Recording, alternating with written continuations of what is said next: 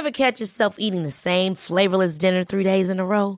Dreaming of something better? Well, HelloFresh is your guilt-free dream come true, baby. It's me, Gigi Palmer.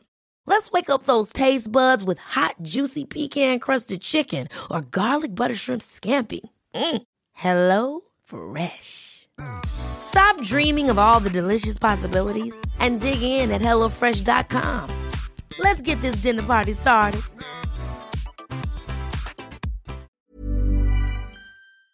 Om jag går in för någonting, det är 100%. Jag går aldrig in halvhjärtat. Alltså det finns inte någonstans i mitt liv där jag har sagt det här vill jag göra och så gör jag det till 2%. Det existerar inte. Om jag bestämmer mig för en grej, då är det fullt ut. Jag jobbar inte på sparlåga, jag jobbar på extrem eld. Så har jag funkat hela tiden. När jag blir passionerad för någonting, när det finns någonting som jag tycker är sjukt roligt, brinner för till 100%, då kommer jag också gå in med eld i arslet och jobba så in i helvete för att det här ska funka.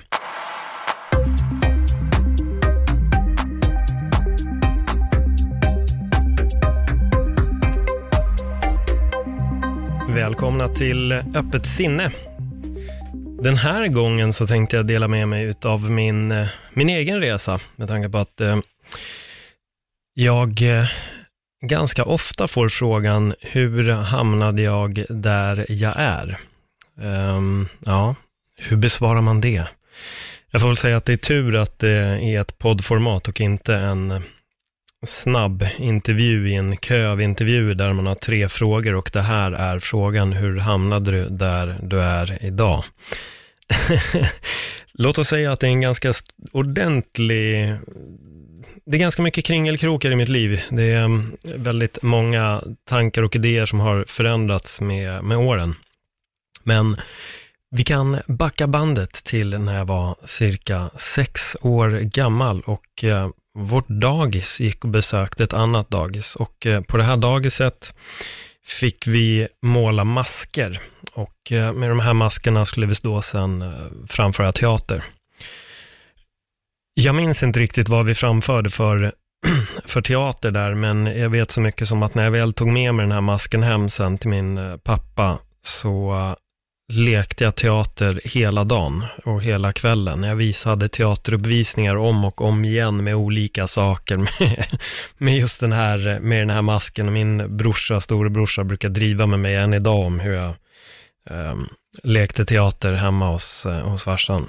Men det här gjorde också att när jag väl började skolan sen och började på fritids, så var en av fritidsledarna väldigt engagerad just teater och väldigt passionerad för teater, så han startade en, jag tror till och med att det var en pilotgrupp, jag tror att min, min årskull var väl egentligen den första, den första, eh, den, den första pilotklassen till, till hans teater, det som senare kom att heta Vadarens eh, scenstudio, om jag inte missminner mig helt.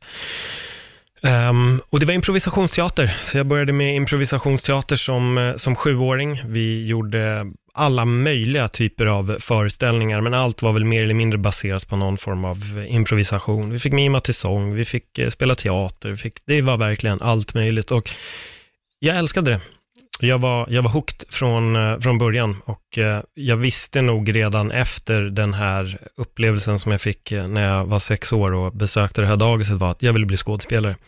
Dels älskade jag film, jag har varit helt besatt av film och jag har sagt det här flera gånger nu, jag, eller till mina vänner, jag är ganska tacksam över att jag inte var ung nu när Netflix och HBO och Viaplay och alla möjligheter att se film online och streama finns, för jag, jag hade nog aldrig kunnat lämna mitt rum. Jag hade varit fast och bara tittat på film efter film efter film efter film efter film. Och så såg ändå lite min barndom ut. Jag kommer ihåg att jag, det, jag kommer från den här tiden när man hyrde Moviebox, eh, som man hyrde med andra ord en video och hyrde några videofilmer. Tills vi fick hem en video, det var när vi väl fick hem en video så var jag oerhört glad började kopiera filmer och hade en uppsjö av filmer. Så, så film har, har alltid varit en, en oerhört stor eh, passion från, eh, från min sida. Jag har älskat eh, film på alla dess håll. Så när jag väl började med teater så var det liksom, det, det var det rätta. Jag, eh, många vet ju att jag idag kommenterar MMA, många vet även att jag har jobbat som personlig tränare. Jag hatade träning, jag hatade idrott när jag var liten. För att summera min skolgång så gick jag i alla fall ut med streck i idrott. Vilken är även höjden av ironin att jag idag kommenterar sport och jobbade nästan tio år som personlig tränare. Men det är en annan sån här liten eh, kringelkrok i mitt, eh, i mitt liv. Men eh, som sagt, jag ville bli skådespelare. Det var, det var där min, min fokus låg på det. Det var det jag ville bli. Jag ville bli liksom det Joel Kinnaman har blivit idag. Det var det jag hoppades på att själv kunna bli och uppnå någon gång i min framtid.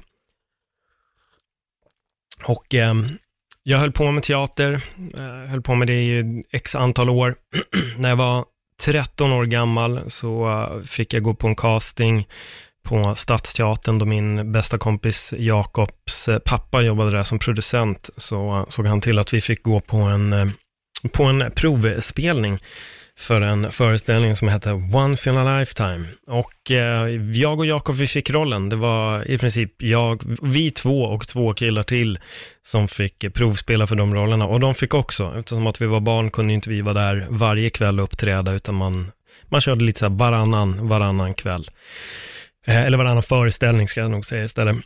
Så eh, det var min introduktion, jag älskade det. Vi började repetera och jag kände wow, äntligen, jag lever min dröm. Jag var 13 år gammal och eh, fick stå med stora stjärnor på, på Stadsteatern och gjorde mig redo för, för stora scen, vilket var, det var sjukt. Det var verkligen en, en otroligt surrealistisk känsla.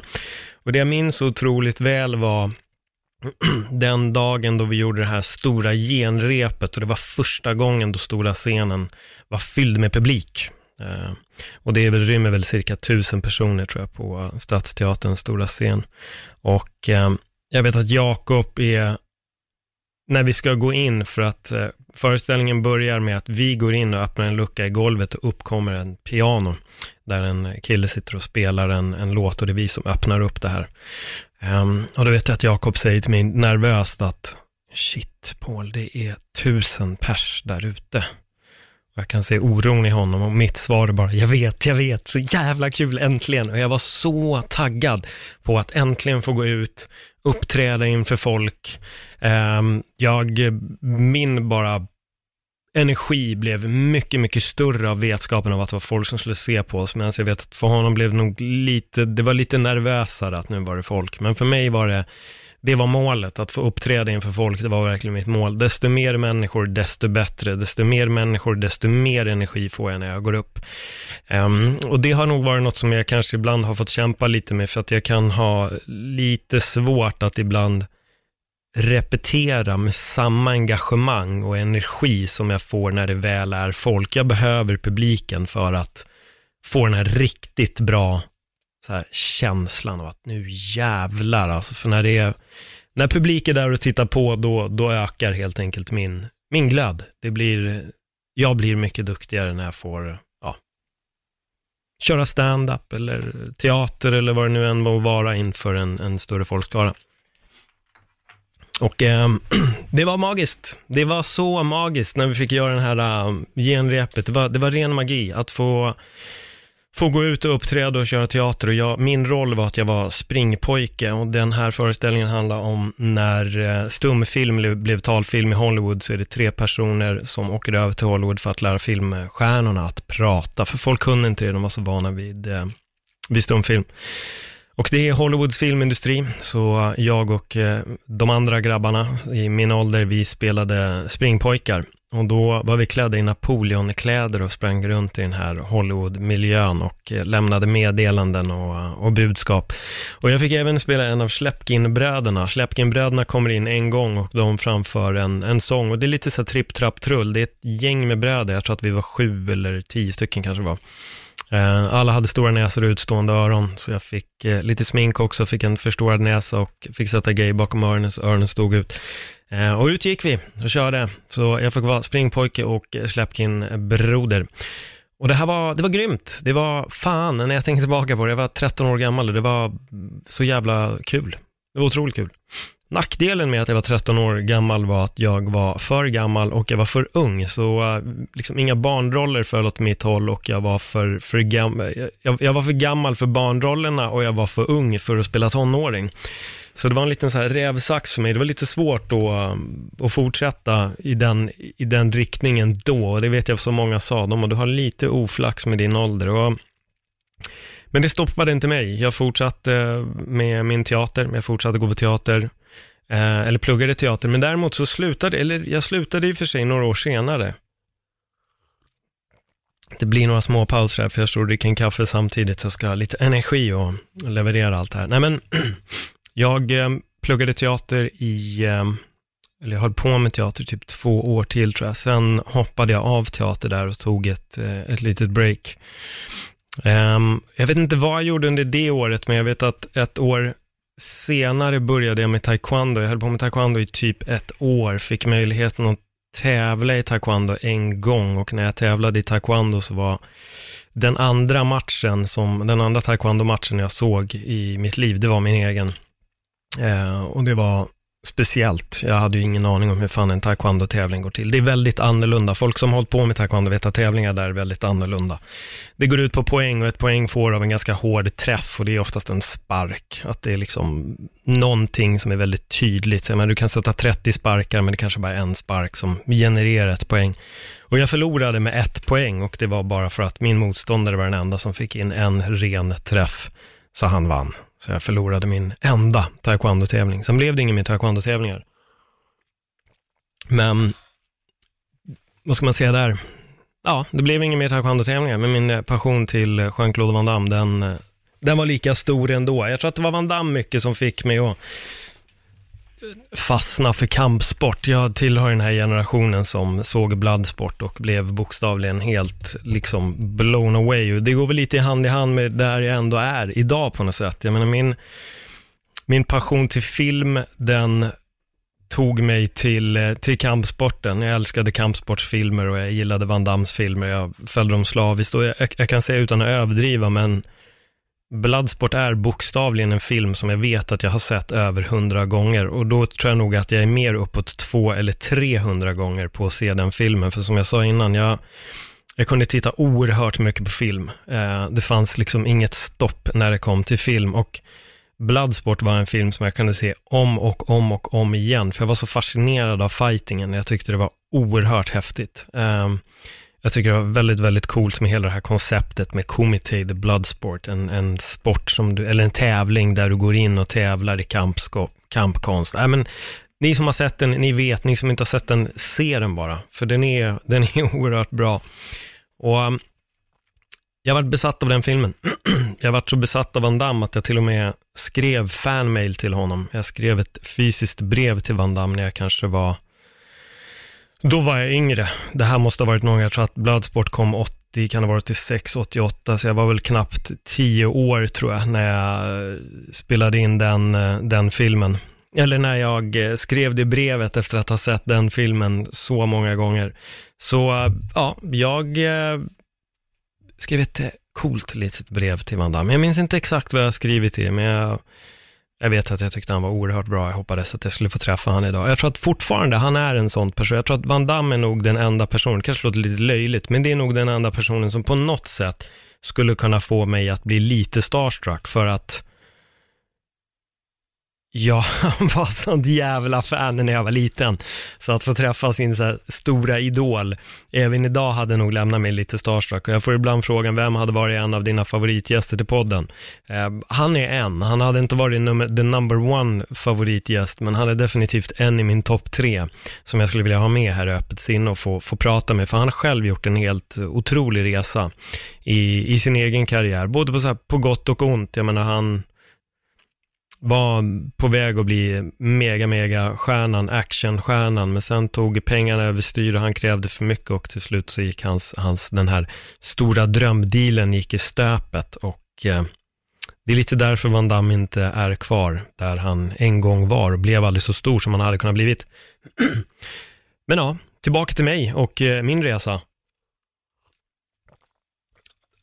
Jag tänker lite så här, det, det, det, finns så många bitar att eh, slänga in i det här och när det inte är någon som ställer följdfrågorna så försöker jag liksom på vägen att klura ut det själv, hur, hur jag ska cirkulera in i det här um, ämnet. Men om vi säger så här, när jag gick ut skolan, så gick jag ut med, som jag sa innan, jag hade katastrofala betyg. Jag hade en dröm om att gå eh, Södra Latin teaterskola, det var det jag ville. När jag gick ut med mina betyg så var de så otroligt låga, så att på ett rent betygmässigt skulle jag inte komma in på Södra Latin, men jag fick höra att man kunde komma in om man gjorde ett teaterprov. Än idag, ibland, så kan jag undra varför jag aldrig gick och eh, tog det provet, men jag, jag, valde att inte göra det. Jag, jag struntade i det. Jag tror att jag blev så sänkt av att gå ut med så otroligt dåliga betyg, att jag liksom sket i min möjlighet att eh, söka till Södra Latin. Det tråkiga med det är att alla från min teater som sökte till Södra Latin kom in. Och då är ju då frågan, vad hade hänt om jag hade hamnat på Södra Latin? För istället, så då, så som skolgången är utformad idag, vilket är en podd i sig med tanke på att jag har kan ha en ganska kritisk tanke till hur skolgången är form, utformad just nu. Eh, med mina skitbetyg, jag tror jag gick ut med 1,3 eller 1 och 1, vilket ni hör själva om skalan är 5,0, så gick jag ut med det som är oerhört långt, långt, långt, långt under medel.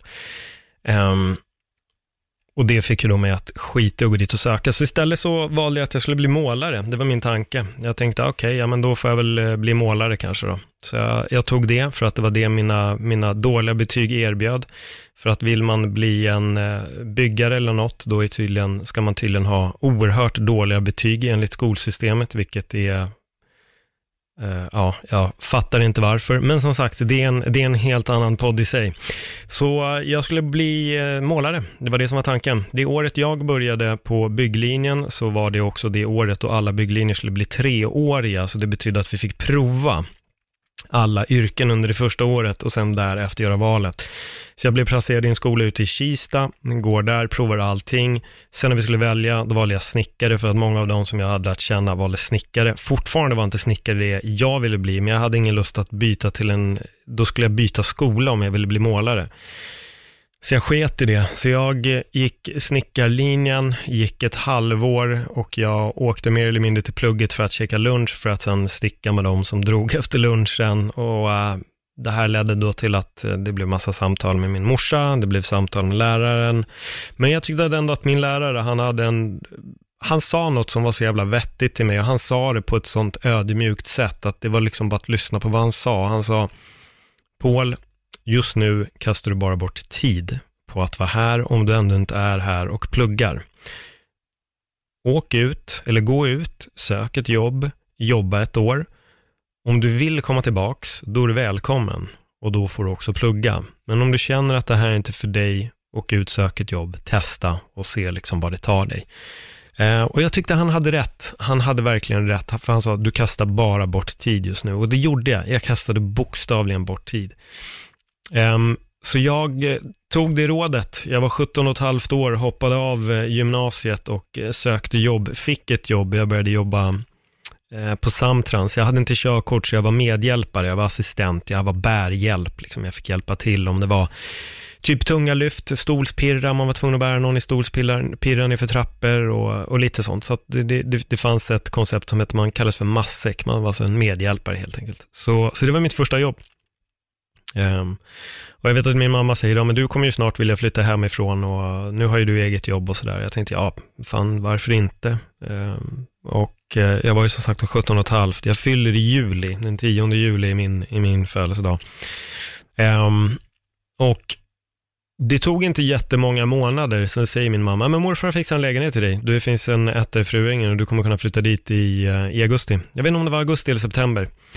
Uh, och jag var så, oj, okej, okay, shit, jag har ju bara hunnit jobba i några månader och jag ska redan få en egen lägenhet. Ja, absolut, men det, det vill du nog. Ja, okej. Okay. Så jag tackade ja till den lägenheten och jag var ju såklart först av alla polare att uh, få en lägenhet. Um, så jag flyttade hemifrån, nyligen fyllda 18, flyttade jag hemifrån fortfarande var nära. Alltså, jag är uppväxt i Örnsberg, Aspudden-området.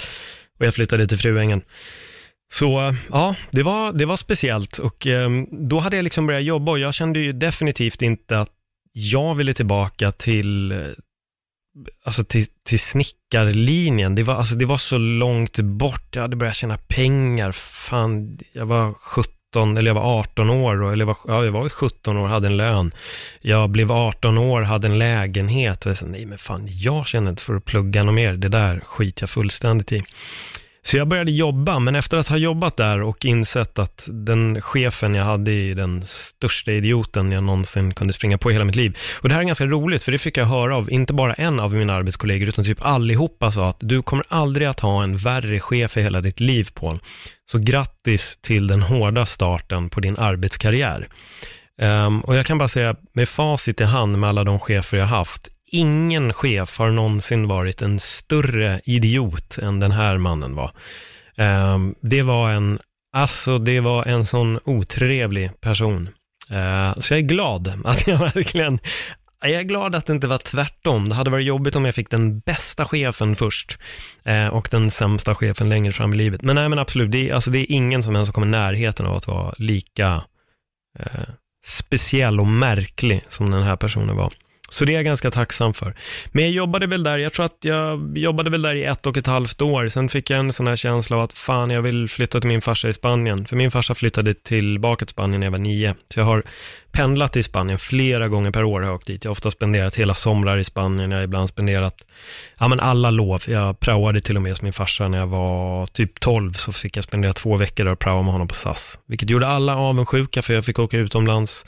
Eh, de fick eh, praoa på i parken, typ så. Så jag kände, nej men vad fan, jag drar till Spanien ett år, jag sticker dit. Så jag hade sparat ihop pengar, jag hade ganska bra med pengar, jag åkte dit, flyttade in hos min farsa. Var där, planen var väl att jag skulle jobba, men jag var lite bekväm, så jag tänkte, äh vad fan, jag kan lika gärna ta det lite lugnt i början. Det fanns ett gym bara runt hörnet. Jag tänkte, jag behöver nog börja träna. Så jag började gymma på dagarna, började spendera tid på gymmet. Och det här var egentligen första gången som jag kände att någon form av träning var, var kul. Här hade jag roligt, så jag kände, äh, fan, det här var kul. Jag fortsatte, jag tränade, tränade varje dag, vilade på helgerna, men jag tränade, eller tränade hela tiden. Sen lärde jag känna en kille som bodde i utkanten på, på Madrid och eh, han och jag blev sjukt bra polare och med honom lärde jag känna massa mer människor och vi festade varenda helg. Så jag skulle nog säga att mitt eh, första halvår i Spanien, det gick ut på att eh, typ festa och bara ha kul. Och så var typ min vistelse i Spanien. Min farsa var nog inte sjukt glad över att jag liksom inte riktigt sökte något jobb. Men jag frågade in, aldrig heller om pengar för att jag hade, jag hade lite undansparade pengar med mig. Eh, men jag var där i ett år, jag ska inte gå in i mikrodetaljera mitt, min vistelse i Spanien, för det är inte av vikten till den här historien. Jag spenderade i alla fall ett år där, jag kom hem, jag kände mig väldigt kluven över att vara hemma. Jag upplevde, jag var ganska förvånad över att folk hälsade inte på varandra, grannar hälsade inte. Eh, folk går hellre och tittar i marken än att eh, söka upp blicken och säga hej och, och allt sånt här. Det, det kändes bara jättekonstigt. Så min plan var att jag ska definitivt flytta tillbaks. Ehm, det blev inte så. Jag eh, träffade väl liksom lite så min, min första riktiga kärlek där när jag var 20, så jag, jag stannade. Jag blev kvar och den här känslan om teater och jag måste ta tag i mitt skådespeleri, den började bubbla upp igen. Och jag gick någon eh, kort kurs eh, på några veckor. Ehm, och jag började känna mer och mer, fan jag vill verkligen mm, plugga teater, men, men jag ska ärligt talat säga att jag är jag vet inte riktigt varför jag inte tog tag i det på det sättet som jag borde, för att jag gjorde inte det, utan det tog mig nästan tre eller fyra år till innan jag gjorde det och då började jag, jag började jobba på Globen efter att jag hade kommit hem och det blev, det blev mitt, mitt jobb på ett tag. Jag jobbade där under några år, jag minns inte exakt år, åren, men jag jobbade där under några år och eh, jag körde ismaskin och truck och gjorde ordningen för eventen. Det var det som var mitt jobb på den tiden.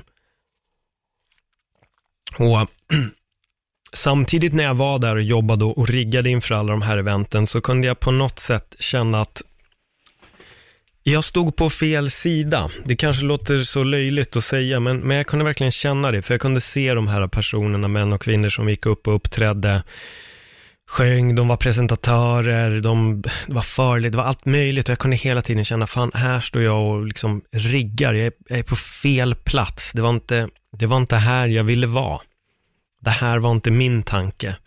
Eh, och, och jag vet att jag pratade med en kille på jobbet och han sa det, ja fan, jag har varit här i, jag vet inte hur många år, 20 år, 10, 15, 20 år nu och nej, jag bara halkade in, det här var aldrig min plan. Och det var fler som sa just det det här var aldrig min plan, jag halkade in, men det är bekvämt, det är bra pengar och och jag kände att det där skrämde mig så jävla mycket, så jag fick väl någon form av eh, 30-årskris redan när jag var cirka 23-24, så får jag någon form av eh, kris i livet. Och jag känner bara att shit, jag har blivit en person som jag aldrig hade tänkt. Jag hade ju liksom de här storslagna planerna om mig själv, jag skulle bli skådespelare, jag skulle erövra Hollywood, jag skulle göra det ena med det andra och jag skulle ha en fantastisk karriär. Och eh, här står jag och ställer ut stolar. Och det var skitkul till en början, alltså det jag kan säga så här, det jobbet, det är absolut ett av de roligaste arbetsplatserna som jag har varit på i hela mitt liv. Alltså det var så sköna människor, jag hade så jävla kul. Men det var ändå inte det jag ville göra och jag tror att det här är någonting som har präglat mig hela livet igenom, att så fort jag har försökt ta, vad är egentligen ett vanligt jobb? Men det som, när jag har försökt ta de här, vi säger då 9 till 5 jobben, så det har funkat under en period, men sen har det inte, det har liksom inte gått. Och det gick inte här heller. Det spelar ingen roll hur kul det var, det spelar ingen roll hur bra med pengar jag tjänade, det spelar ingen roll hur lång semester jag lyckades ha, utan, eller resor jag kunde göra. Det, det kvittade. Den här känslan av att jag var på fel ställe, den började verkligen sakta men säkert att äta upp mig. Och jag fick ett ryck där och bara, fuck det här, jag ska plugga teater. Så jag började kolla upp teaterskolor hittar Stockholms elementära teaterskola, söker till den, börjar plugga där. Ett halvår senare när den nya terminen kickade igång så pluggade jag där. Och jag skulle plugga teater i ett år. Jag var oerhört driven när jag började plugga teater. Det var mitt, mitt enda fokus. Det var plugga teater, gå och träna. Jag tränade fortfarande. Det var det jag gjorde. Jag pluggade teater, jag tränade, jag kom hem, jag läste olika teaterböcker, Stanislav, eh, nu säger jag fel, Stanislav Grovski, är det inte det? Stanislav heter han i alla fall. Vi håller det där. Jag läser hans böcker. Jag läste massa Shakespeare, Molière. Jag läste om eh, Playhouse i New York. Jag köpte massa böcker. Jag har alltid varit sån att när jag har nördat ner mig i någonting nytt så har jag alltid köpt massa böcker om ämnet. Och samma gäller teater och skådespeleri. Jag läste liksom allt jag kunde komma över. Och, och det var så jävla kul. Um, och jag vet att vi fick en uppgift att vi skulle lura någon under en, alltså uppgiften vår teaterlärare gav oss, Thomas Neumann heter han på Stockholms elementära teaterskola, han gav oss en uppgift som var att vi skulle lura någon. Vi, vi, vi, vi skulle spela en roll under en viss tid. Och jag tänkte så här, fan det där är lite kul, men det är också för enkelt. Jag måste lura fler människor, jag måste lura min teaterlärare. Eh, så jag kom ju på den sämsta av idéer, typ att jag har skadat mig. Eh, men det roliga är att det blev en väldigt lång process det här, för jag hör av mig till, till Huddinge och säger att jag håller på att spela in en pjäs där jag ska spela en kille som har brutit en hand och om de kunde hjälpa mig att gipsa den.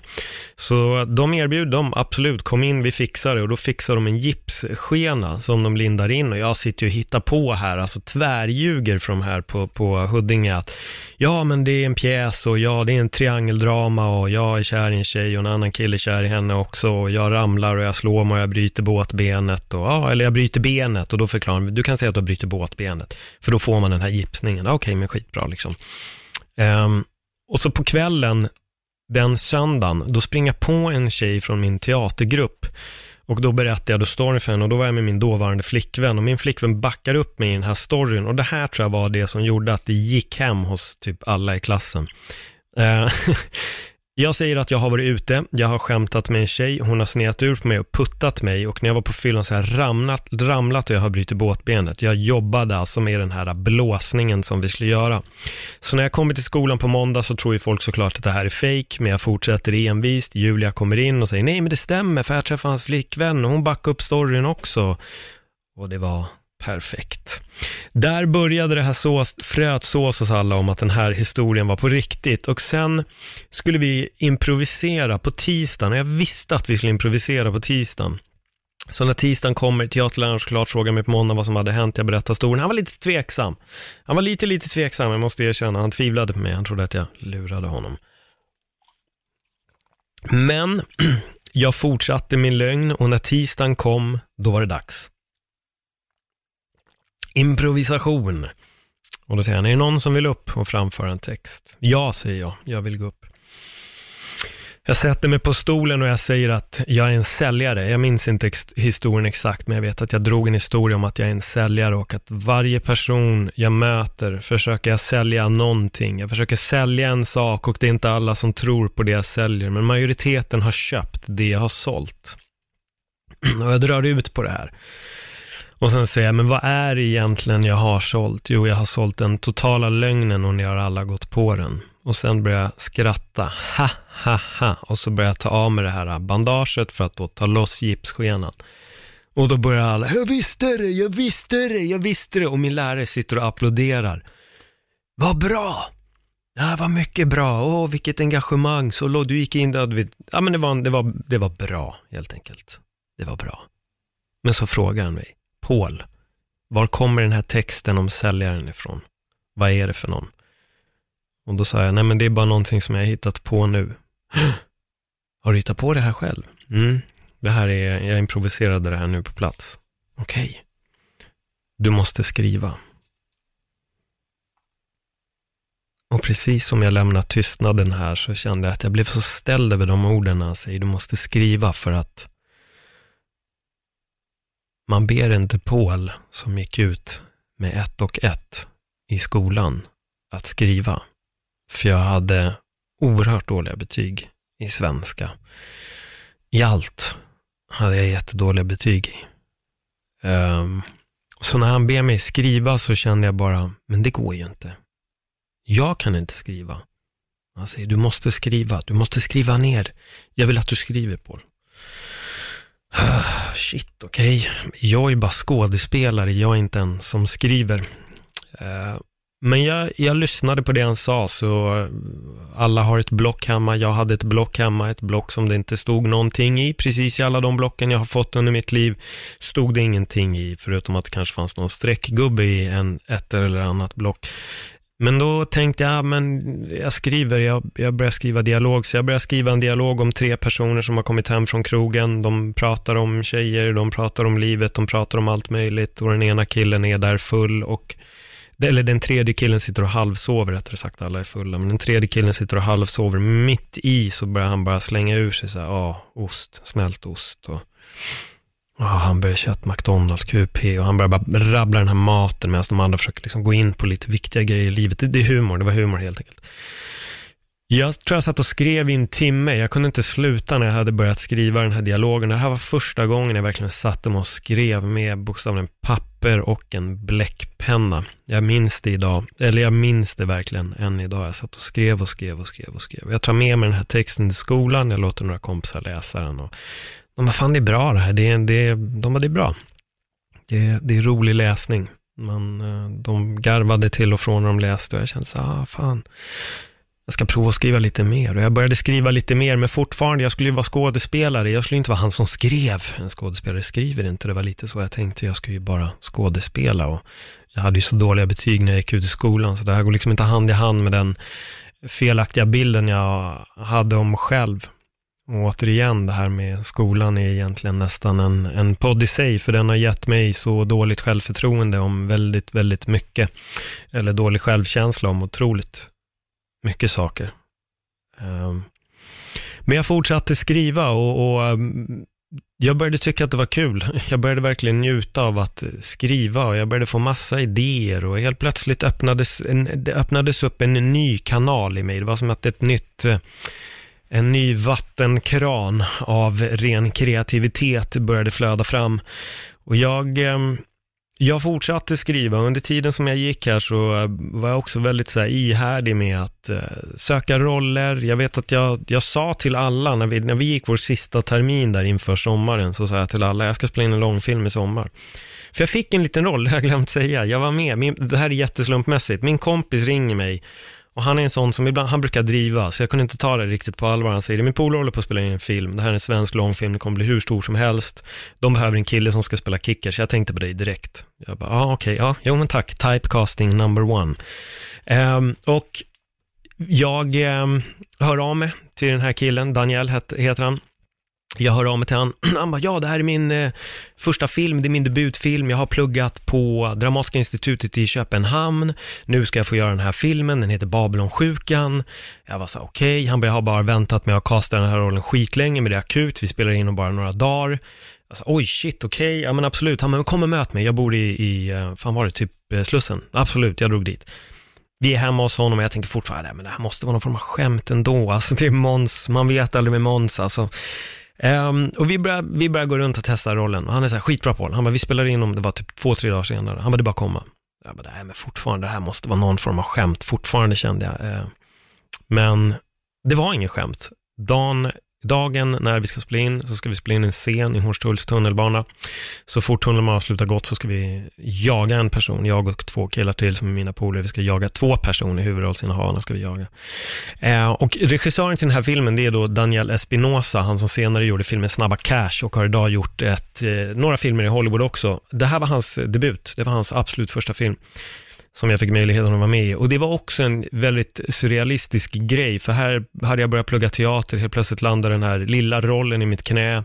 Jag fick spela in en långfilm och det var mäktigt alltså. Det var så mäktigt. Några månader senare, eller typ ett halvår senare, strax eh, en, en ganska bra bit in i min, i min skolgång, så kommer också filmen på bio så fick jag se den, vilket också bara gav mig ännu mer energi. Så jag fortsatte bara mata den här grejen med att jag ska spela in en film i sommar när jag går ur skolan.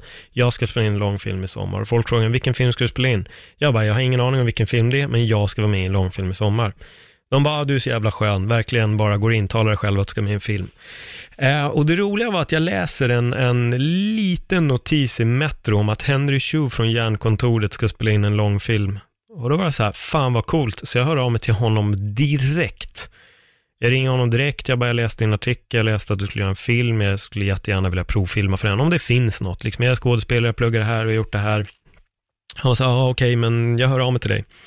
Jag hör ingenting, jag hör ingenting och till slut så bestämmer jag för att ringa honom igen och han bara, ah, jo, jo, fan Paul, han bara, jag kommer ihåg dig.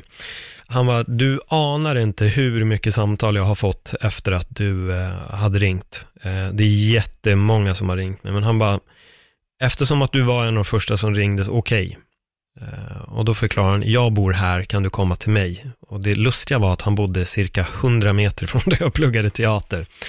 Så jag sa det, jag bara, du det är exakt där jag pluggar teater, säg bara när jag ska komma så kommer jag. Jag kommer dit, jag får provspela för, jag får provspela för en roll. Han säger jag återkommer, det tog tid, jag sprang på honom eh, typ en x antal veckor senare med en av de killarna från teatern. Och han säger att, eh, jo, fan du, det är bara några som ska bestämma sig. Eh, du har absolut gått vidare, men det är några som måste bestämma sig bara. Så, så jag kan inte ge ett konkret svar nu, men det kommer, det kommer. Några dagar senare får jag svaret att jag hade fått, eh, fått rollen. Jag var så här, ja, det gick in! Och alla i plugget tyckte att det var hur lustigt som helst att här hade Paul gått och sagt att han skulle vara med i en långfilm och jag kom med. Eh, den här filmen heter Efter Jesper. Den, eh, det var en, en film som egentligen inte hade någon budget mer än att kunna producera, så alla som var med fick ställa upp gratis. Och sen om den skulle tjäna pengar i framtiden så skulle man få pengar. Och jag fick pengar, några år senare så, så fick jag pengar, vilket var klockrent. Jag tjänade en jag tror jag fick typ 2000 spänn, vilket var ju oerhört mycket bättre än, än noll. Så eh, jag fick in lite pengar på den här rollen, vilket var jävligt kul. Men det var så sjukt kul att spela in film, det var verkligen det som var oerhört roligt. Att återigen få med i en, i en långfilm. Och när det här var klart så vet jag att jag och min, min kompis som klippte film, som jobbade som klippare, vi, vi började bolla lite idéer och jag tror att det här, lite så här humorn kom fram hos mig. Att jag eh, började bolla lite humoridéer. Vi spelade in en sketch, vi tog en vanlig videokamera bara och, och, spelade in en sketch och den här sketchen fick bra respons bland våra vänner och då kände jag, fan vi borde spela in en sketch till och det ledde till att jag sätter mig och skriver Mytomanen. Um, och, och, och eh, på den här tiden så var jag fortfarande lite, jag hade börjat skriva mer och mer, men jag var fortfarande i en tanke om att en skådespelare gör inte riktigt eh, humor. Jag, jag vill fortfarande vara skådespelare, jag vill inte vara den som skriver och gör saker, men jag känner bara, fan, jag ska testa ändå skriva lite humor. Jag började skriva humor och då kan jag säga att det var som man öppnade en jävla fontän alltså. Utav kreativitet som flög ur mig. Jag kunde inte få stopp på de här humoridéerna. Jag skrev, skrev skämt på skämt och sketch på sketch matade ut dem. Ut kommer mytomanen, vi filmar den också bara med en vanlig handycam. Jag fick spela in den på min gamla arbetsplats. Um, Globen alltså. Så vi spelar in den där. Och på den tiden, när vi släppte den, så vet jag att vi la ut den på hans eh, egen hemsida. För nu får vi backa ganska många år bak. Och jag vet att när vi hade spelat in, jag tror jag hade spelat in en sketch till. Lite osäker hur många sketcher vi spelar in, men jag vet att Jocke hör av sig till mig en dag och så säger han, ehm, det finns en ny sajt där man kan lägga upp eh, filmer på. Okej, okay, så jag, vad är det för något? Han bara, YouTube. Jag bara, okej, okay, vad fan är YouTube för någonting? Nej, men man kan ladda upp film och sånt där. Ja, okej, okay, men då får vi fixa ett konto och ladda upp det på det här YouTube då. Ja, absolut. Så vi började ladda upp det på YouTube och eh, vad gjorde vi? Jag tror att vi hade gjort Mytomanen 1, vi gjorde senare Mytomanen 2 och jag vet att vi var överlyckliga när en av sketcherna hade fått typ tusen visningar. Alltså wow, vi har tusen views, fan vad bra. Och i den här vevan hade jag också börjat titta väldigt mycket på UFC. Jag hade splittat från min dåvarande tjej och jag började titta på UFC. Jag såg ikapp alla UFC också. Jag såg ikapp allting och jag började följa UFC slaviskt. För jag har alltid trott på brytpunkter. När man jobbar med någonting så har jag alltid behövt en brytpunkt. Så när jag jobbade med humor så blev MMA min brytpunkt. Att titta på MMA, det var så ett skönt sätt att slappna av från det som var jobb. Och jag tycker fortfarande än idag så har jag, jag, jag har alltid en brytpunkt ifrån det jag jobbar med vilket jag ofta ger också som råd många gånger när jag pratar med vissa av mina gäster, att hitta en brytpunkt. Eh, gör, gör någonting annat. Eh, och det blev MMA för mig där. Och eh, när vi hade spelat in x antal sketcher så säger Jocke också att jag har en polare som är producent, jag kan ta in honom för jag tror att han kan ta liksom, vårt projekt lite till nästa nivå. Anledningen till varför vi valde namnet Lättvikt också var, först valde vi det väldigt slumpmässigt, men när vi väl hade valt det så var det en, en tanke om att vi är lättviktare i en tungviktsbransch och tanken är att vi ska bli tungviktare i slutändan. Jag ville visa med lättvikt att man kan ha en handicam och göra humor. Det handlar inte om hur välproducerat någonting är, utan det handlar om vad det innehåller. Så vi gjorde ju produktioner som var, alltså ljudet var ganska dåligt, kameran var inte skitbra, vi försökte klippa. Klippa däremot, Jocke är ju stört bra klippare och kom in på DIs klipplinje och har idag, har han ju klippt de flesta Eh, jag tror till och med, jag ska inte svära igen, men han har klippt x antal av de här riktigt stora produktionerna av humorproduktioner som har gått på, på de olika kanalerna i Sverige. Så han är en, en, en klippare av rang alltså. Eh, men producenten kommer in, en kille som heter Jasser. Eh, och han tycker då att vi ska åka till, till ett ställe som heter Drömfabriken, där vi kan pitcha vår humoridé. Och det var då Lättvikts humorprogram. Och vi åker dit, vi pitchar den här idén, vi är med i deras pitchtävling. Vi vinner pitchtävlingen kort och gott. Vi vinner hela skiten. Eh, och det var, det lät bra, det var positivt. Vi pitchade för, för höjdarna på SVT och de var väldigt positiva till vårt koncept, där vi också visade upp ett klipp ur Mytomanen och jag tror att vi visade upp något klipp mer. och vi vinner cirka 5 000 kronor och de här pengarna lägger vi då på att göra lättviktspiloten. Så vi gör piloten, producerar den ihop, jag skrev väl i princip allt, vill jag tro i alla fall, till när det kommer till just Lättviktspiloten, så tror jag var jag som skrev hela, hela grundidén. Gjorde den såklart tillsammans med, med mitt gäng, men jag var huvud, huvudförfattare till den. Um, vi gör alla de här sketcherna, vi åker på ett möte till, lät inte lika bra från SVT då, det var så här, fan, man, eh, vi, vi, vi trodde verkligen att vi, här, här skulle vi liksom få in vår stora grej. Det fick vi inte. Och eh, det var sjukt surt. Men det var inte heller liksom som att de sa nej. Det här är ett sånt här möte som jag har kunnat vrida några gånger i mitt huvud och förstått att mötet var mycket bättre än vad, än vad vi trodde vid första instans då. Men jag tror att vi gick in med för mycket positivitet och sen när vi landade i liksom det som ett, ett, ett riktigt möte med ett tv-bolag så kändes det inte lika bra. Hur som haver, vi fortsatte kriga på. Vi bestämde oss för att vi skulle göra en humorsajt. Vi skulle släppa sketcher i princip dagligen. Vi skulle göra en stor produktion. En till kille kommer in. Han säger att Paul skriv cirka 100 sketcher. Så kan vi börja jobba. Vi började alla skriva sketcher. Jag tror att jag skrev uppåt en 70 stycken och så skulle vi börja producera. Men när vi skulle börja producera här så fick jag också den galna idén om att Nej men fan, vi måste göra en julkalender. Jag har en superbra idé. Det är Stockholm, det är ingen snö, vinter, julafton är på gång och det dyker upp en mystisk snöbollsman som börjar kasta snöbollar på folk och helt plötsligt sätts hela Sverige i skräck. Och jag säger det här till Yasser och Jocke att vi måste göra det här. Det här, det här, är, det här kommer vara briljant att släppa en, eh, en julkalender på YouTube. Det, då tror jag i alla fall att det var ogjort. Det var väl ingen som hade gjort det liksom. Så jag brann för det här som fan, jag fick idén, jag fick övertala dem och jag vet att Jasse säger okej okay, Paul du är galen, men vi får lita på dig på den här gången. Om du känner att det här kommer funka så, så får vi lita på dig. Och det gick igenom. Jag skrev den här, det här manuset på, på tok för kort tid, vi började producera allting jätte, jättesnabbt. Um, och jag vet att jag hade en dröm om att ha med, jag hade sett filmen Singo x antal gånger och killen som i den här, äh, jag kommer inte ihåg vad han heter i filmen, han heter Tommy Andersson på riktigt, han, han spelar en Bajen, en arg Bajen-snubbe som alltid är skitlack. Jag ville ha med honom. Så jag skriver det på min Facebook, att om det är, no är det någon som vet var man kan hitta honom. Varpå en tjej svarar, gud vad roligt Paul att du skriver det, han var en tjej som körde stand-up. Jag hade börjat köra stand-up vid den här tiden också. Um, jag säger, det är så många kringelkrokar i den här storyn att man vet liksom inte riktigt var det är man ska börja. Men hur som helst, Um, hon var det min kompis, det är min kompis pappa. Så jag får hans nummer, jag ringer honom och bara inom loppet av typ 24 timmar så står jag i Tommy Anderssons kök med ett manus där jag har den här poliskommissarien som jag vill att han ska spela.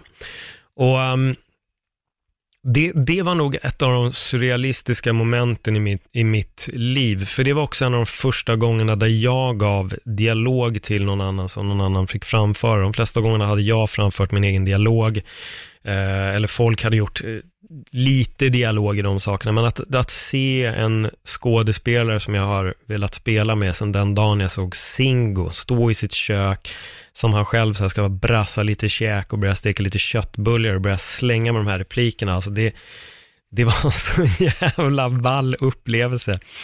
Och eh, han var med, han valde att vara med. Han, eh, ja, han deltog i, i hela det här galna cirkusen som var Lättvikts julkalender. Och jag hade som sagt, jag hade kört stand-up ett tag, jag hade börjat köra stand-up. Jag, jag, jag kommer komma tillbaka till, till mer av den här julkalendern, men jag måste dra in lite stand-up också. Jag hade som sagt börjat göra sketcher och jag tittade någon dag på lite stand-up och jag kände att fan, det där är verkligen jag. Det här är någonting som jag vill prova. Och även då köpte jag massa böcker om stand-up. Ni ser ett mönster här. Så fort jag nördar ner mig så köper jag massa böcker om allting. Så jag köpte massa böcker om stand-up började läsa om stand-up, började skriva, började repetera och till slut så kör jag min, min går jag uppträder på ett, en grej som heter Bungy Comedy. Körde där och jag kände ganska snabbt att det här måste jag göra fler gånger. Så jag körde, började gigga allt jag kunde, skrev och giggade, skrev och giggade och fortsatte köra. Jag tror att när jag hade gjort eh, julkalendern så kanske jag var inne på mitt, jag var nog inne på mitt andra år, ja men det stämmer, jag var inne på mitt, mitt andra år av stand-up. Um, och då Uh, nu summerar jag hela standup-grejen väldigt fort. jag var inne på mitt andra år av standup, så väldigt många komiker var med i min, i min julkalender.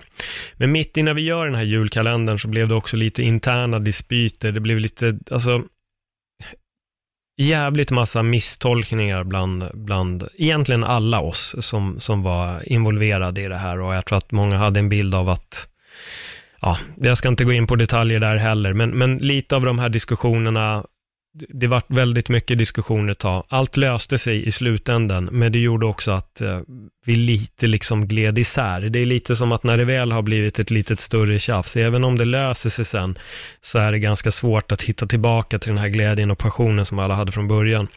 Så Yasser som var vår producent hade dels startat en, en MMA-sajt och han, som heter Kimura, så han var så här, han bara, jag har påbörjat min MMA-sajt så jag kommer vilja lägga fokus där nu.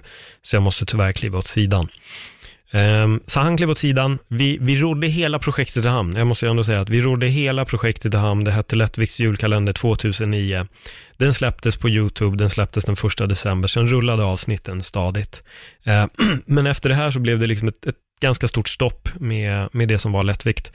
Yasser i sin tur frågar mig bara helt plötsligt, Paul, vill du komma och göra lite intervjuer med, med fighters efter en MMA-gala? Ja, absolut, sa jag. jag. Jag kan definitivt göra det. Så jag började göra lite intervjuer. Jag höll på att kriga med min egen stand-up. Det var det jag liksom kämpade med och när jag hade kört stand-up i tre år så fick jag en idé om att jag skulle, jag skulle hyra Boulevardteatern för att eh, sätta upp min egen show. För det var ändå lite det det var liksom mitt mål med stand-up. När jag började med stand-up så var det inte bara kul, jag vill köra stand-up, utan allting som jag har gett mig in på så har det alltid varit att komma mycket längre Uh, och nu inser jag att jag är på väg att citera Conor McGregor, men, men jag har aldrig varit speciellt intresserad av att bara delta.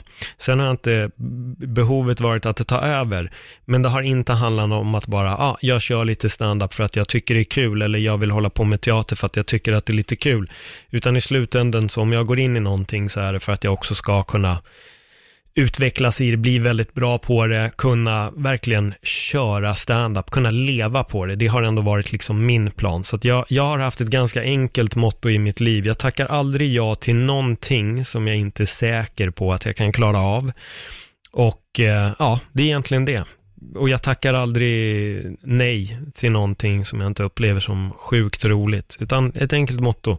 Jag tackar aldrig ja till någonting som jag inte vet att jag skulle klara av. Det har varit den så här simpla regeln i mitt liv, att klarar jag inte det här, om jag inte får en bra känsla av det, då kommer jag inte göra det.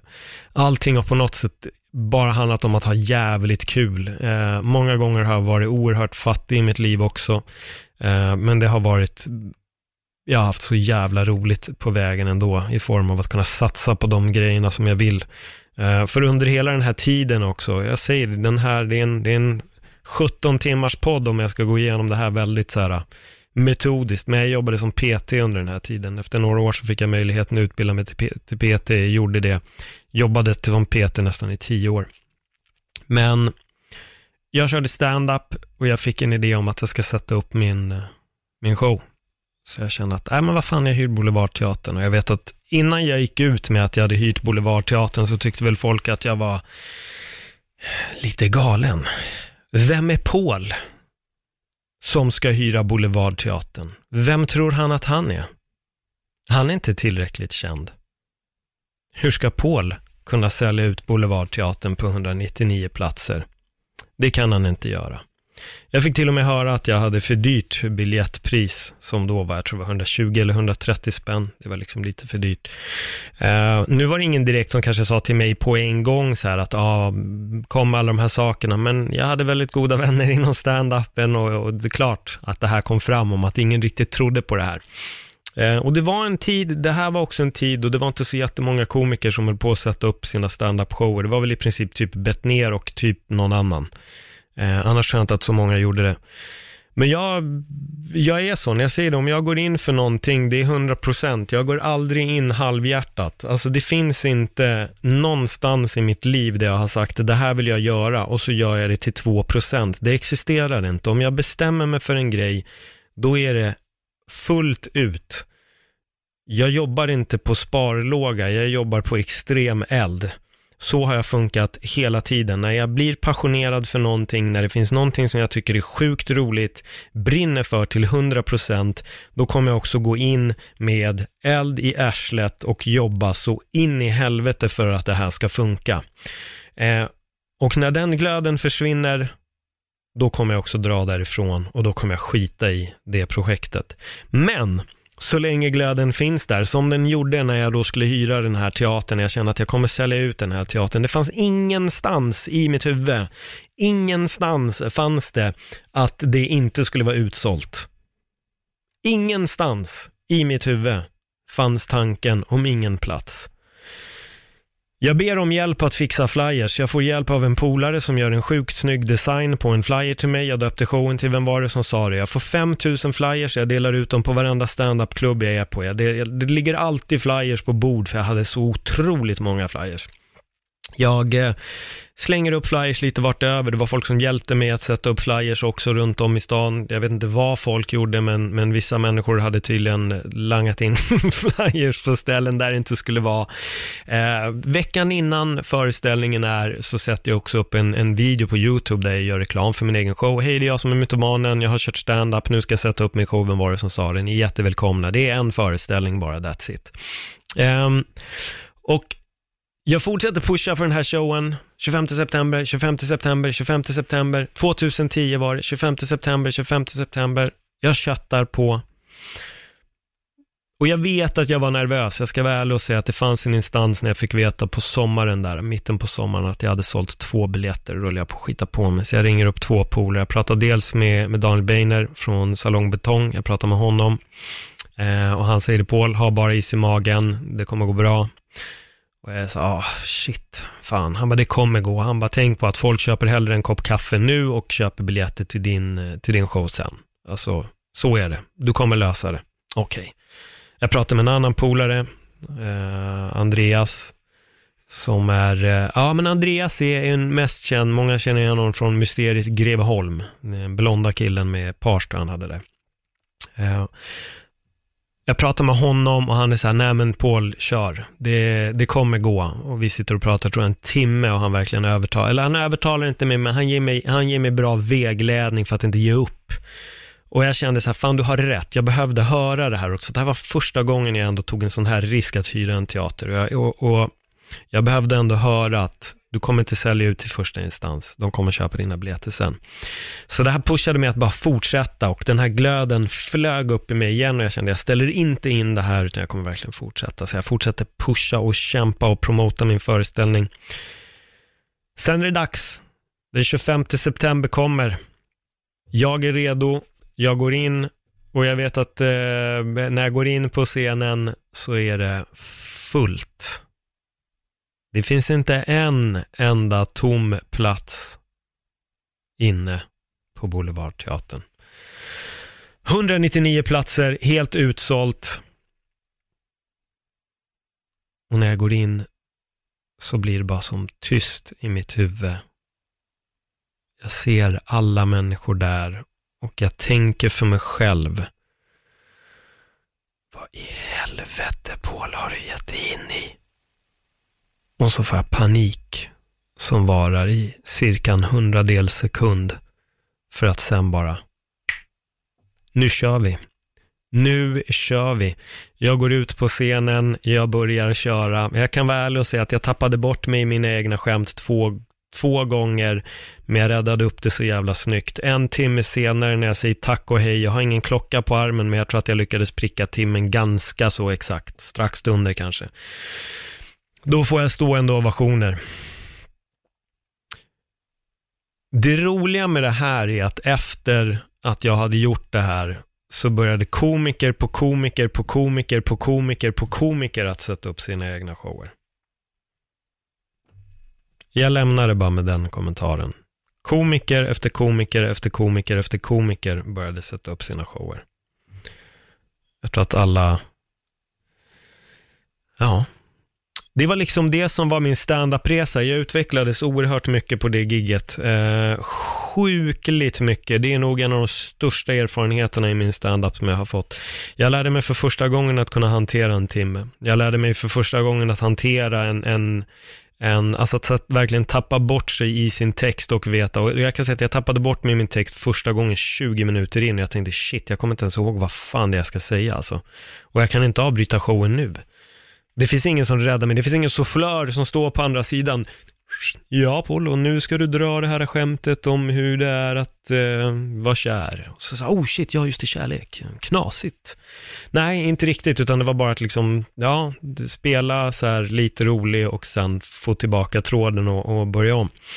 Eh, jag körde stand-up i fyra och ett halvt år tror jag. Grejen med stand-up, stand-up har varit en oerhörd psykoterapi för mig att att börja analysera världen ur ett humor, humoristiskt perspektiv gör också att du ser hur upp och nervänt allting är och det blir en sån otrolig självanalys av en själv. Så att i hela den här resan så började jag också tänka på väldigt djupa frågor och jag kände att jag har frågor, jag tänker väldigt djupa saker, men jag får inte fram det i min egen standup. Jag, jag kan inte skämta om det. Jag, jag, jag kan inte göra stand-up av det. Men när jag satt och skrev och gjorde sketcher eller längre berättelser eller vad det än må vara, då kunde jag börja segla i de här äh, lite djupare ämnena. Oftast i konversationer med folk, alltså i form av dialog då mellan olika karaktärer som jag skapade, så kunde jag börja bolla de här djupare frågorna om livet, samhället, politik, alltså ren filosofi. Jag kunde filosofera med humor på ett sätt. Men jag kunde inte göra det när det gällde stand-up. Så att jag uppträdde, jag fick folk att garva, men det var inte den här sköna känslan att det, jag fick aldrig ut något budskap. Um, och jag tror att jag kände att jag ville det någonting. Jag ville på något sätt, jag ville få folk att tänka. Jag vill inte bara få folk att skratta. Och, och här, fortfarande, jag har haft den här diskussionen med ganska många, det är en, en stand-up-föreställning ska inte bli en föreläsning där allvar helt plötsligt vevs in, utan det ska, det ska hela tiden vara roligt. Men allvaret ska få dig att skratta och det ska även få dig att tänka till. Och jag tror att det var den mixen som jag aldrig, jag aldrig riktigt lyckades med. Och det, då, då blev det enda rätta bara. Jag, det är kul att stå framför folk och få dem att garva, men när, du, när jag inte kunde liksom förmedla någonting, då kände jag att nej, men jag är, alltså jag är fan klar här alltså.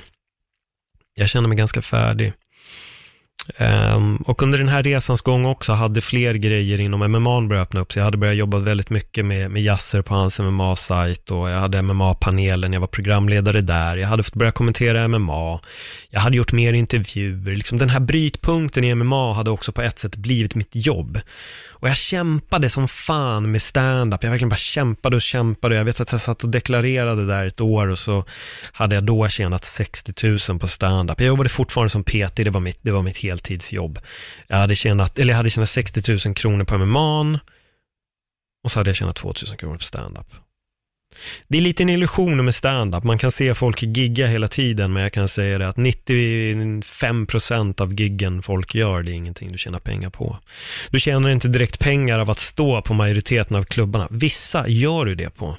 Oftast är det i form av att du är headliner, annars skulle jag nog säga att det finns inga direkta pengar att hämta där. Nu är det ett tag sedan som jag höll på med stand-up och det har säkert ändrats. Eh, däremot så tror jag att om du sticker ut till vissa småstäder, absolut, om de ber dig komma dit så kan du också kräva en lön. Sen är det upp till dem om de vill betala den eller inte. Men majoriteten av klubbarna i Stockholm, du går dit, du, det är träning, det är det det är liksom. Eh, och det var, jag fullt, det var jag fullt medveten om och jag har inget problem med den strukturen. Men samtidigt när jag kände där att fan, det jag lägger mest energi på känner jag minst pengar på, medan det jag lägger minst energi på känner jag mest pengar på och det var MMA. Och eh, ja, det var en speciell upplevelse, men jag började känna mer och mer, fan jag måste kliva åt, jag, jag, jag kommer kliva sidan från stand-up. Jag känner att varje gång jag sätter mig och skriver så vill jag hellre fokusera på liksom en, en roman, alltså skriva en bok. Det var lite det som, som började komma in i, min, i mitt huvud. Och det var där jag kunde bolla de här eh, roliga historierna, som, eller de här eh, djupare, roliga, filosofiska tankegångarna som jag hade. Så jag bestämde mig för att jag skiter i stand-up, jag kommer lägga fokus på att skriva en bok. Jag gjorde det, jag klev åt sidan helt från stand-up och jag skrev en bok. Eh, den har inte blivit släppt och det är inte så konstigt för att boken är skitdåligt skriven. Sen är boken i sig jättebra, innehållet. Jag tvivlar inte en sekund på innehållet. Men jag måste bli en mycket bättre författare och det är ändå någon, någonting, kan jag säga, det är någonting som jag har. Folk säger att man ska vara realist och det ska man absolut vara, men folk använder realist till typ banala saker som, ah, jag kanske inte borde göra det här eller jag vet, ah, vad fan det nu än må vara. Jag är realist i den aspekten att jag vet, jag vet vad jag kan bli bättre på och jag vet vad jag redan är bra på. Men jag, jag ser hela tiden att jag måste, jag kan hela tiden utvecklas och bli mycket, mycket bättre. Och vad gäller liksom min förmåga att skriva, det är en. Jag måste bli mycket bättre med ord. Jag måste ordsmida fram. Mycket, mycket bättre. Just nu skriver jag inte så mycket, bara för att eh, förklara den änden, så inte folk tror att jag har suttit och skrivit, skrivit, skrivit, skrivit, skrivit och skrivit. Det har jag inte gjort. Men i allt det här så kliver jag åt sidan från, från stand-upen. Jag eh, slutade även att jobba på, eh, med Yasser. Vi slutade också att jobba. Och det fanns en period när jag varken höll på med stand-up eller MMA. Jag slutade även jobba som PT. Ehm, jag behövde, jag behövde tjäna pengar på riktigt och som PT blev jag bekväm att när jag tappade en kund så sket jag att skaffa en ny. Jag hade tröttnat på yrket.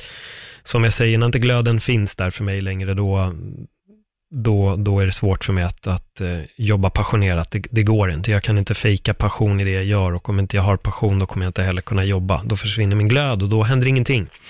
Då dör allt. Så jag sökte jobb på Telenor av alla ställen. Telenor i Mediamarkt, att så här shopping shop, stå och kränga abonnemang.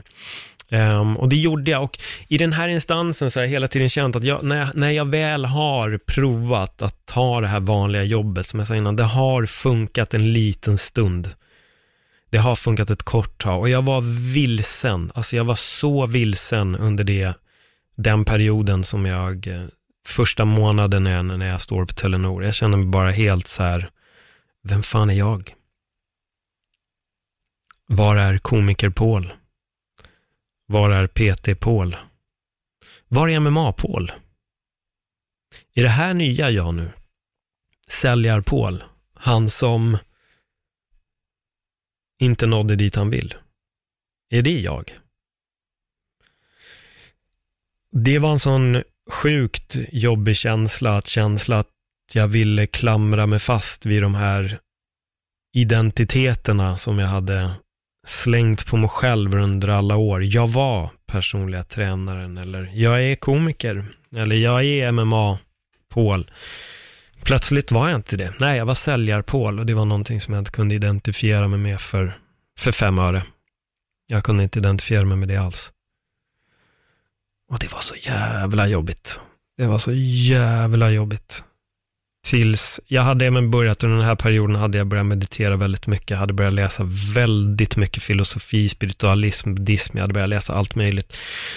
Och jag inser att, vad fan, man säger alltid att man inte ska placera folk i fack, men jag hade placerat mig själv i det största facket av dem allihopa.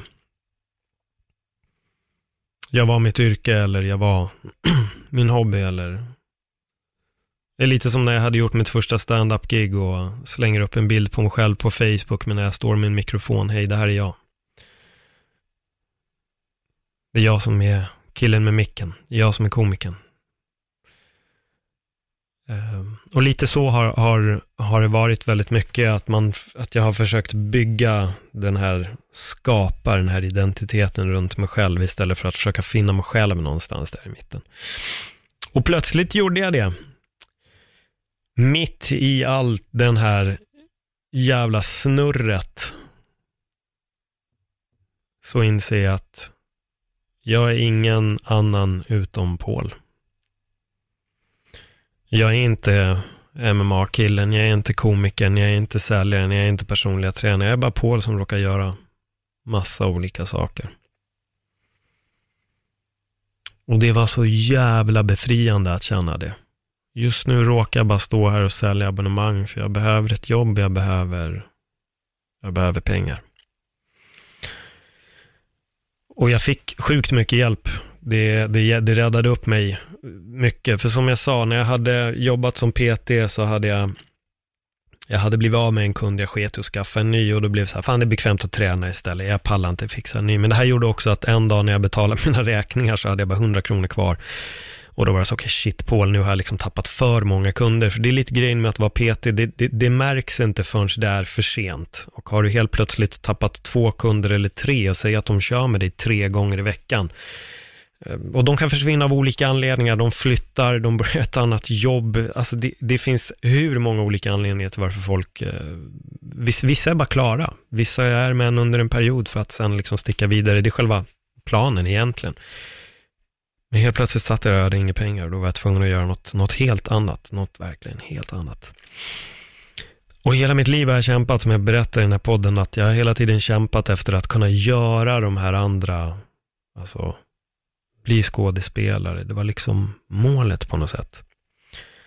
Helt plötsligt gjorde jag ingenting och det funkade verkligen. Under de två, tre första månaderna så funkade det. Jag tyckte att jag lärde mig yrket. Det var kul. Jag var så här, fan det här var roligt ändå. Det var kul att tjäna pengar. Blablabla hela det där jävla snurret liksom. Men ganska snabbt in ändå så kände jag att shit, det här är inte jag alltså. Jag kan inte göra det här.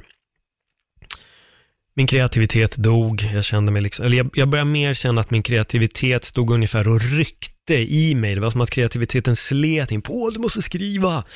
Du måste börja göra det här nu, du måste göra det här, du måste göra det här, du får inte ge upp, fortsätt, kom igen, kämpa. Jag var så här, fan kan jag inte bara liksom få, få, få göra det här yrket nu? Kan jag inte bara få släppa allt? Kan jag inte bara få jobba 9 till 5 och vara nöjd med det? Kan jag inte bara få, få jobba 9 till 5 och se fram emot min semester? Och... Det gick inte. Det gick verkligen inte alltså. Jag klarade fan inte av det alltså. Och jag känner mig, det finns en, jag har, det finns en bild som dyker upp ibland både på Facebook och Instagram. Det är En ritad bild, det är en kille som går och hackar. Det, det är två personer. Och det är diamanter på högra sidan och så är det berg och de går med varsin slägga och den ena killen, han är en millimeter ifrån de här diamanterna. Men han har precis vänt sig om, han har lagt släggan på ryggen och vänt sig om och går därifrån. Medan det finns en kille som bara halvvägs, som går in med tungan utanför munnen och slår bort sten. Och jag kunde så många gånger känna mig som den här gubben på bilden som så precis har vänt sig om innan han har nått de här diamanterna. Jag kunde verkligen känna mig som. Jag såg den här bilden och bara, fan det här är på något sätt jag. Jag har varit så nära så många gånger. Det är så många gånger jag har varit så nära på att så här, få till det och så har jag backat. Och då är det ändå väldigt många grejer som jag inte ens har hunnit prata om än i den här podden. Men det är många gånger när jag har varit så oerhört nära och så har jag precis vänt mig om och gått därifrån. Och den där bilden började gnaga i mitt huvud. Det började gnaga, gnaga, gnaga och jag känner, åh, fan alltså. Tänk om jag ger upp igen precis innan jag når det här målet. Tänk om jag ger upp igen. Och jag hade snackat med Per Nunstedt som jobbar här. Vi hade bokat upp ett möte om att ses. Och jag berättar om allt det jag gör och så berättar jag just om det här. Jag sa det Per, det känns som att jag har vänt mig om precis innan jag når de här diamanterna. Vi hade ett bra, vi hade ett skitbra samtal. Eh, och det här var då typ september 2015 tror jag det här var. Och vi pratade lite och försöka hitta möjlighet. Jag hade ju börjat kommentera Cage Wars redan, så jag var, jag var redan i bygget, men Cage Wars producerade ingenting under 2015. Därför hade jag liksom varken MMA-humor, det var ingenting. Jag gjorde ingenting. Visste inte hur, hur det skulle se ut med MMA eller någonting heller. Um, jag hade börjat i maj eller juni hade jag börjat på Telenor, så jag hade jobbat där några månader. Och just där framåt slutet på sommaren, september, där, så kände jag bara, fan, jag måste göra något annat. Alltså det här, ja, det, det, det här kommer inte gå. Jag, bara, jag blir uppäten av att inte göra det jag brinner för eller jobba med, med sånt som jag, jag njuter av. Några dagar innan nyår får jag ett samtal och då får jag veta att det är dags. Då ringer Nunstedt och säger vi har fått in UFC, är du redo? Och jävlar i mig om jag var redo alltså. Jävlar i mig om jag var redo. Ja, jag är sjukt redo och nu är liksom lite resten historia, för att jag tror att de flesta av er som lyssnar på den här podden, ni vet idag vad det är som jag gör och eh, det, där, där kom på något sätt vändningen. Det, det samtalet var en var en ruggig vändning och jag har väl känt att sedan den dagen som jag har kunnat jobba med det jag gör idag så har jag inte upplevt att jag har jobbat en sekund och det är mm, jag har kämpat många år för att på något sätt kunna landa på den här platsen. Och det är många gånger då jag har så här varit på väg att ge upp, men så fort jag har gett upp så har jag bara känt att fan, jag kan inte alltså. Jag, jag måste fortsätta. Jag måste fortsätta kämpa. Jag måste bara få, jag vet, jag vet inte var det kommer ifrån, men jag får ingen ro på de andra yrkena. Då är det typ så här, jag har hellre lite pengar men har fan mig kul. För det är det det handlar om för mig. Det handlar om att bara ha så jävla roligt jag kan alltså. Så länge jag bara har kul, då är allting skitbra alltså. Då är allting skitbra. Det är lite så jag har alltid det har varit lite mitt motto i livet. Tacka aldrig ja till någonting som du inte känner att du kan klara av. Men se fan till att det hela tiden är roligt. Så fort glädjen försvinner, ja då är det ganska dött. Då är det ganska dött. Det är verkligen det. Så jag kommer avrunda här. Det här var en otroligt kringelkrokig story om eh, lite hur jag hamnade där jag hamnade. Och det är så många saker som har lämnats utanför. För det handlar om tid också. Jag skulle kunna sitta och gå igenom det här, men om jag skulle ta den långa storyn då, då är det ett eh, 5 till 50 timmars avsnitt om alla, alla grejer som har uppstått. Men mycket kringelkrokar. Alltså jag tror att lite för att här, på något sätt knyta ihop säcken. Jag hade en, en bild av när jag var yngre om att jag ville uppnå den här Jag ville till Hollywood, jag skulle skådespela. Jag ska inte säga att den tanken försvann, men på vägen upptäckte jag så mycket nytt om mig själv. Jag upptäckte att jag kunde skriva, trots att jag gick ut med skitbetyg. Jag upptäckte att jag var oerhört kreativ, jag upptäckte att jag var produktiv, jag upptäckte att jag har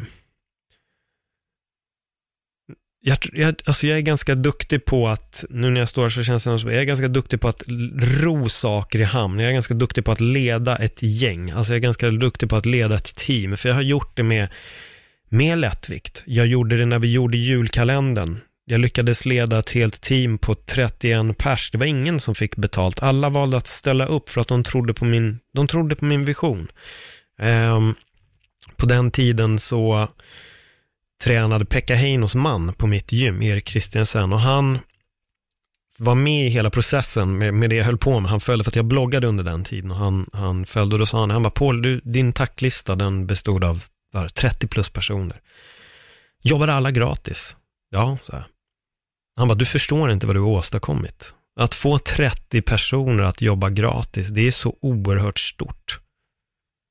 Hur kan jag hjälpa dig? ja, jag vet inte, sa jag. Jag vill hjälpa till, sa han. Jag, blir, jag rycks med i, i det du gör. Jag vill, jag vill hjälpa till. Vad kan jag göra? Jag bara, jag vet inte. Vad har du för förslag? Ja, men jag kanske kan mejla lite folk. Ja, men absolut. Hjälp mig gärna. Det får du jättegärna göra. Så det, efter ett pass så sitter han och jag, vi sitter och eh, bollar lite idéer, han mejlar lite folk och rekommenderar om att han tar en titt på julkalendern. Så det är nog aldrig någonting som försvann på vägen. Jag tror bara att på vägen på mitt, min karriärsresa genom livet så har jag upptäckt att jag är bra på väldigt mycket annat som jag kanske inte trodde just då.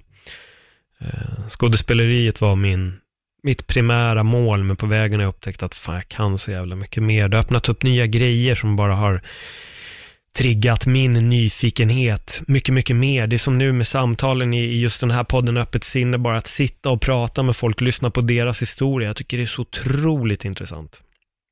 Jag tycker det är otroligt intressant att höra folk berätta om sina resor, om det är karriär eller om det bara är livet. Det är så oerhört spännande.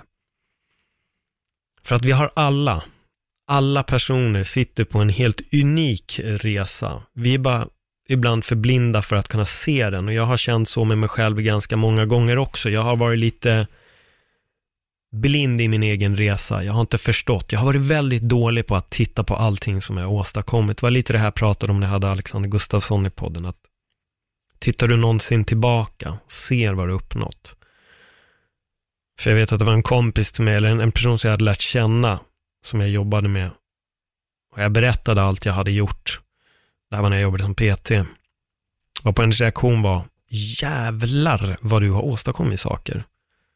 Mitt svar var, nej men det har jag inte gjort. Vad, vad, vad, hur, hur då inte gjort? Jag bara, nej men det är ingenting jag tjänat pengar på. Hon var, ja men vad fan, ser du inte vad du har gjort? nej. Vad har jag gjort? Det var alltid min känsla. Jag vet att jag hade den känslan när jag hade sålt ut Boulevardteatern. När det var över så var jag bara, okej, okay, det var det. Nu behöver jag ett nytt projekt. Nu måste jag göra en sak till. Och det är nog lite så mitt liv hela tiden har sett ut. Jag gillar att hitta nya saker som jag så brinner för. Jag vill, vill hitta nya grejer som jag tycker är roliga, nya utmaningar, någonting nytt. Jag är en sucker för min personliga utveckling och att eh, utvecklas i, i, i livet och inte bara stanna. Och det är kanske därför jag har svårt med traditionellt så 9 till 5. På något sätt så tror jag att det, då, då stannar jag. Jag behöver ha någonting som får mig att inte stanna. Jag behöver ett nytt projekt som hela tiden går lite hand i hand med min egen personliga utveckling eller förändring och därför har jag också de här brytpunkterna. Jag måste lära mig en ny sak varje år. Eh, så ja, det finns mycket mer att prata om och eh, det kommer nog bli ett till sånt här avsnitt så sakteliga. Eller kanske till och med att jag borde göra sådana här avsnitt mer frekvent. Lämna jättegärna er kommentar. Ehm, om ni inte följer mig på Instagram, gör det eller gör det inte, men gå gärna in och bara dela en, dela en kommentar eller skriv till mig, skicka ett DM. Vill ni höra fler sådana här historier? Vill ni att jag ska dela med mig mer av mitt liv, mer av mina tankar? Och, för då kanske det är så att det är det jag ska göra också. Eh, jag känner att vi kom en, en halv procent in i det som är mitt liv just nu och det finns absolut många fler pusselbitar att eh, ta med sig utav. Eh, men vi får nöja oss för den här gången. Så jag vill jättegärna tacka, eller jag vill eh, verkligen, jag vill tacka er som har tagit er tiden och, och lyssnat på den här storyn som nu har pågått i nästan en timme och 20 minuter. Ja, tack så jättemycket. Så eh, tills nästa gång så får ni ha en jättebra stund. Och kom ihåg, var inte personen med hackan som vänder sig om och går därifrån, utan fortsätt hacka. Alltså, jag är på något sätt också lite så definitionen av att det finns något där ute och eh, i min mening har jag fortfarande inte nått diamanterna. Men jag fortsätter hacka. Jag fortsätter absolut att hacka och jag kan säga att den dagen jag slutar hacka så är det inte för att jag har nått diamanterna utan det är för att passionen har försvunnit eller glöden har, har försvunnit därifrån. Tack för att ni lyssnade. Hej då.